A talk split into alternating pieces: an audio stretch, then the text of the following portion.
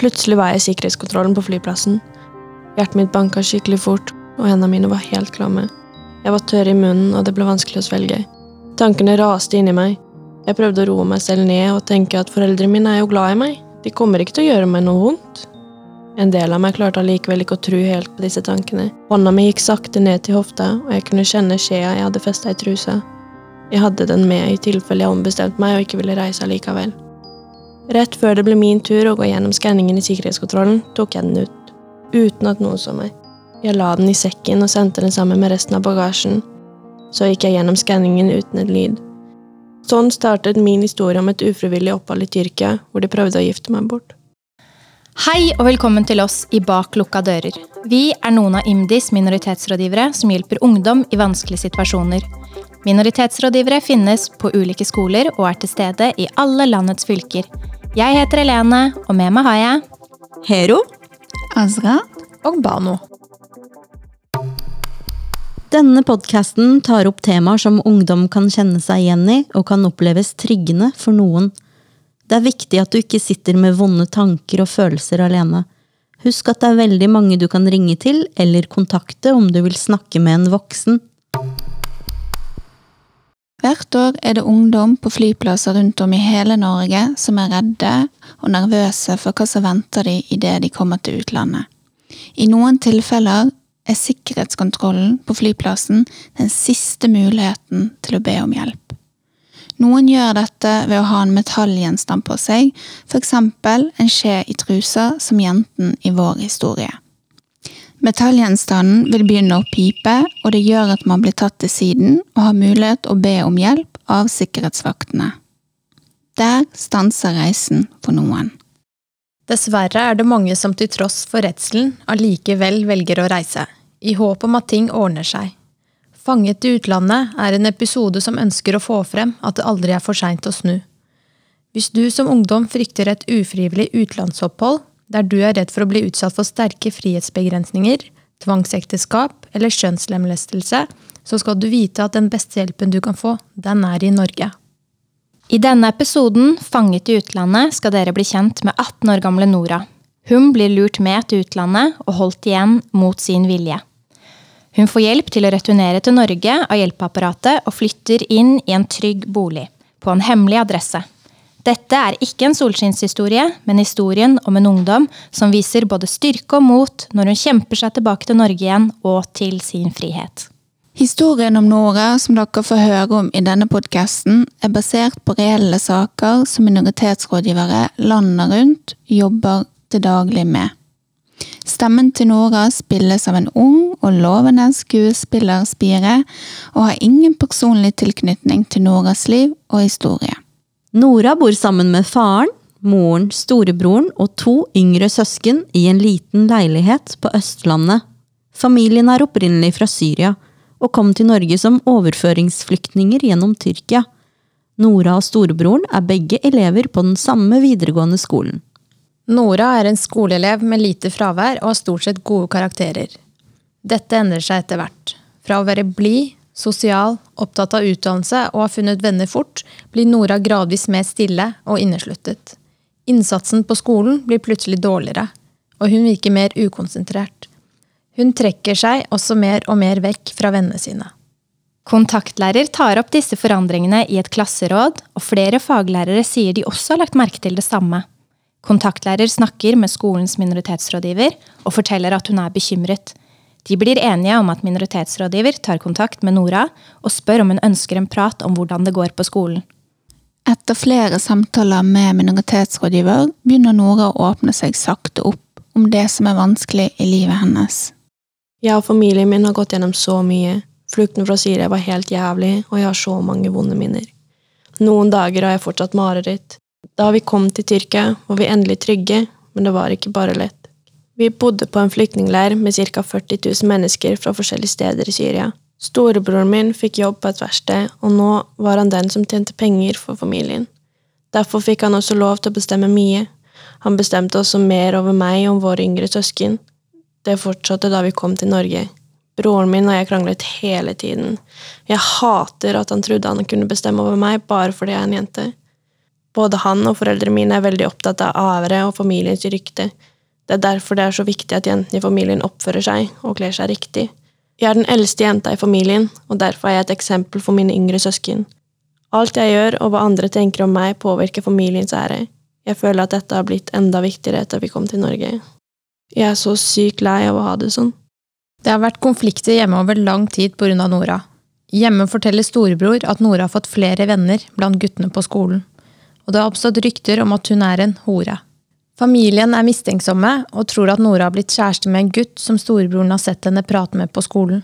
Mistanken økte etter at lillebror fortalte foreldrene at Nora tekster og snakker i telefon med noen på natten. Mor har over tid snakket med slektninger i Tyrkia og har flere ganger sagt at kanskje det er best at jenta flytter tilbake, så slipper de denne skammen. I en av samtalene med minoritetsrådgiver snakker Nora om at hun har hørt foreldrene hennes snakke om å kjøpe flybilletter. Minoritetsrådgiver blir bekymret for at jenta som nå har blitt 18 år, skal bli tatt med til utlandet mot sin vilje og tvangsgiftet. Nora svarer at det tror hun aldri foreldrene vil gjøre mot henne. Likevel blir minoritetsrådgiver og Nora enige om at de sammen tar kontakt med politiet for å snakke om hvordan Nora kan få hjelp hvis familien begynner å snakke om ekteskap, og forsøker å presse henne til å gjøre noe hun selv ikke ønsker. Kranglene hjemme mellom Nora, foreldrene og storebror øker. Nora prøver å protestere, men det nytter ikke. Nå må hun komme rett hjem etter skolen, og storebror må følge henne til og fra skolen for å passe på. I en oppfølgingssamtale med minoritetsrådgiver forteller Nora om en episode som virkelig skremte henne. Mamma dro meg inn på kjøkkenet med en gang jeg kom inn døra. Jeg prøvde å si at det gjorde vondt, men hun ville ikke høre på meg. Jeg snublet og ble liggende på gulvet. Mamma spyttet på meg og kalte meg hore. Før jeg rakk å reise meg, kom det et slag mot ansiktet. Det var lenge siden mamma slo meg sist, og jeg skjønte ikke noe. Hun lugga meg mens jeg lå nede, og jeg skreik hele tida hva har jeg gjort, hva har jeg gjort? Men mamma bare gråt mens hun fortsatte å slå meg. Jeg gråt også. Så begynte hun å stille alle disse spørsmålene, jeg følte det var et avhør. Hvem var gutten jeg hadde blitt sett med på skolen? Hvorfor hadde vi sittet sammen i kantina? Hvorfor var vi alene? Var vi kjærester? Hadde jeg hatt sex med han? Noen på skolen hadde sett oss, og før jeg hadde kommet hjem, hadde ryktene allerede spredt seg. Jeg vet at mamma er redd for hva folk vil si, men jeg har ikke gjort noe. Jeg er så drittlei hele greia med hva vil folk si? Hvorfor kan ikke folk bare bry seg om seg selv? Det er så sykt ødeleggende, og det har ikke skjedd noen gang. Jeg hadde bare lyst til å skrike, men jeg var helt slått ut. Nora forteller minoritetsrådgiver på skolen at de har kranglet på den måten før òg.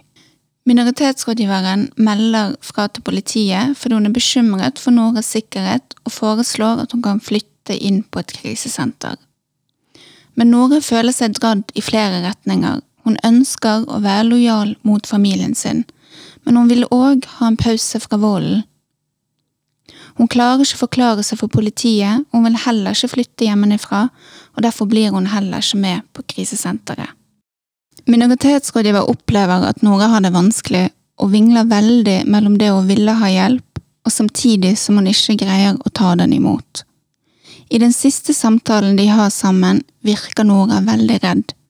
De blir derfor enige om å møtes igjen over helgen. Nora får telefonnummeret til både krisesenter og politi, så hun kan ta kontakt dersom det skulle være noe. På mandag kommer ikke Nora på skolen, og det gjør heller ikke storebroren. Kontaktlæreren ringer Nora for å høre om hun har det bra, men det er far som svarer på telefonen. Han forteller at et familiemedlem i Tyrkia plutselig har blitt syk, og at Nora, mor og storebror derfor måtte reise dit med en gang. Nora sine to yngre søsken er igjen i Norge og går på skolen. Han sier at de skal komme hjem om ikke så lenge, men at de ikke vet hvilken dato. Far forsikrer kontaktlærer flere ganger om at Nora snart skal komme hjem. Minoritetsrådgiver har hele tiden fryktet at Nora ville bli tatt med til Tyrkia i et forsøk på å gjenvinne familiens ære ved å gifte henne bort. Minoritetsrådgiver ringer derfor kompetanseteamet mot tvangsekteskap, kjønnslemlestelse og negativ sosial kontroll og drøfter saken før også integreringsrådgiver ved ambassaden i Tyrkia får beskjed om at Nora kanskje kommer til å ta kontakt og be om hjelp. Det er begrenset hva kompetanseteamet får gjort når Nora har blitt 18 år og småsøsken fortsatt er i Norge. Hadde Nora vært under 18, ville det vært mulig å sende en bekymringsmelding til barnevernet. Visste du at om du er etterlatt i utlandet mot din vilje, så kan du kontakte integreringsrådgivere som er utplassert på norske ambassader i byene Amman, Nairobi, Ankara og Islamabad. De gir deg informasjon om dine muligheter for hjemreise til Norge.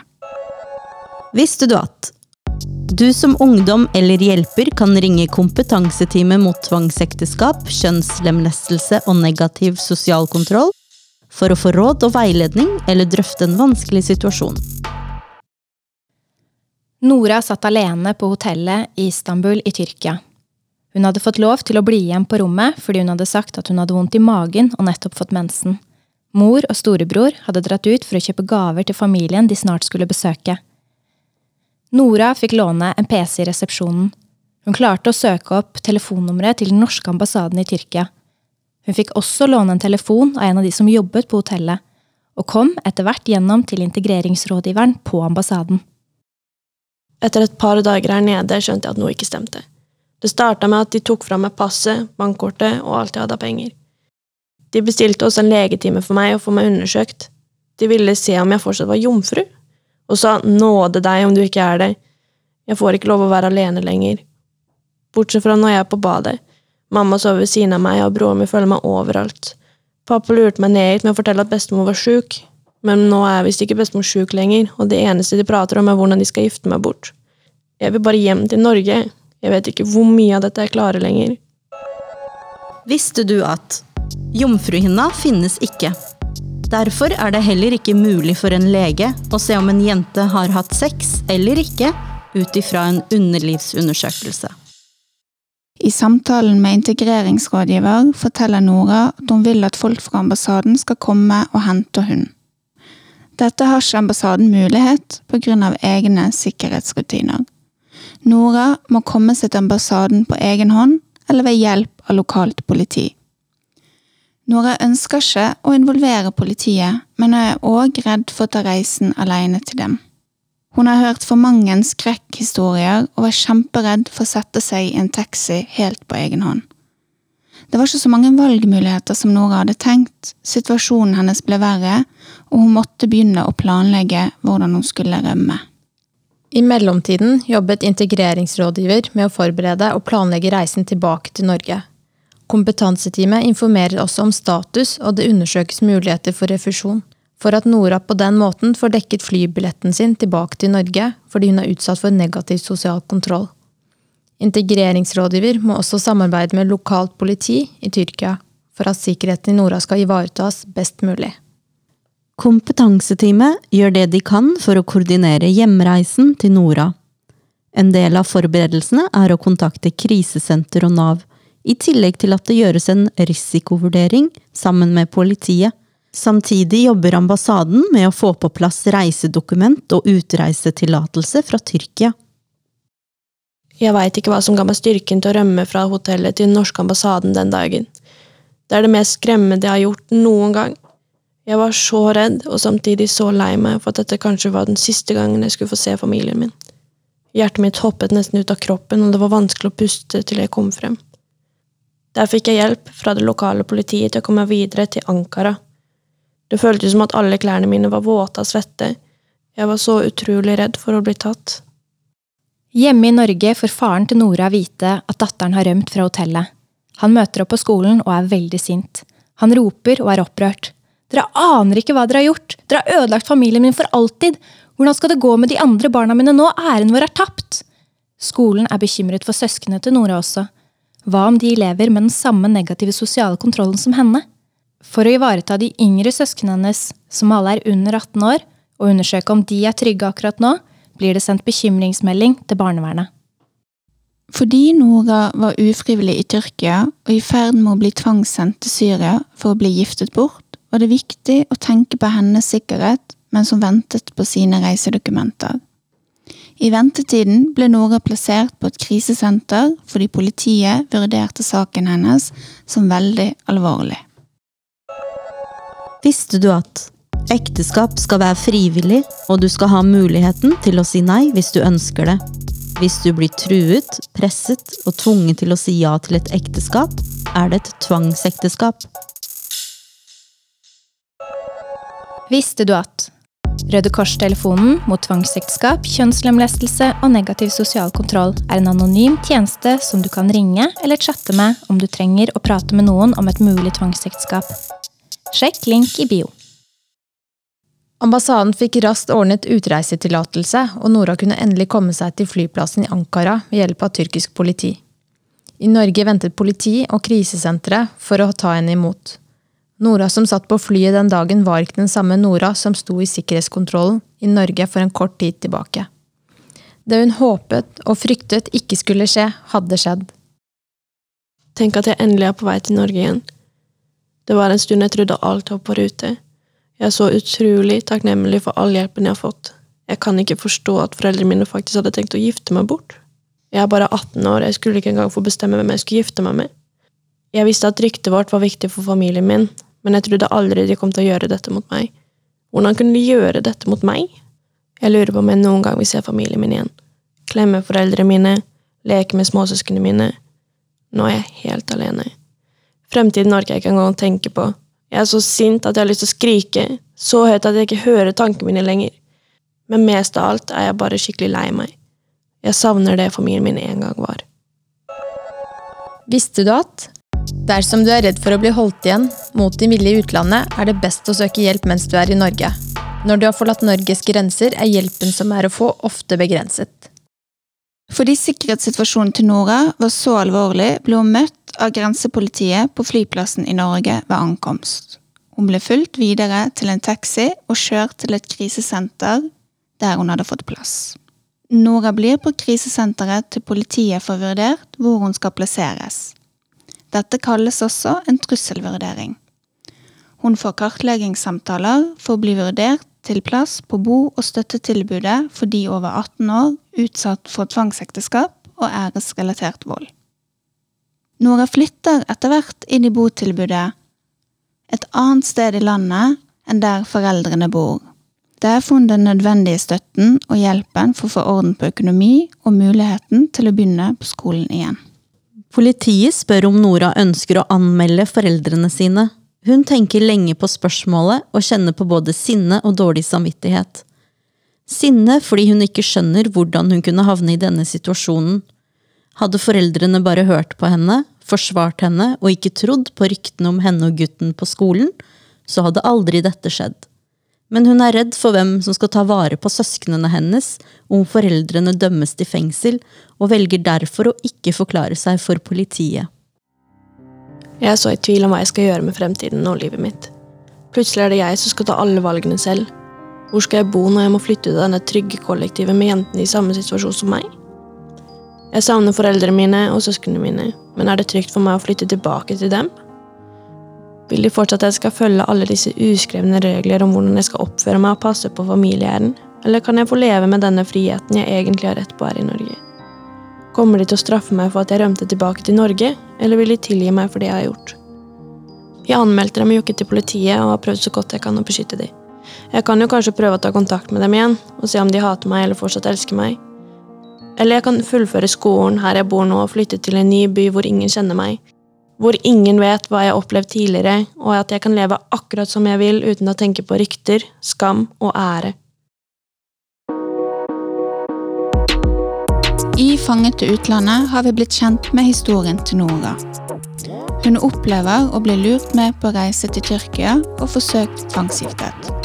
Vi blir kjent med hennes mange dilemmaer og hvor vanskelig det kan være å balansere det å kunne leve livet hun selv ønsker, og lojaliteten til familien sin.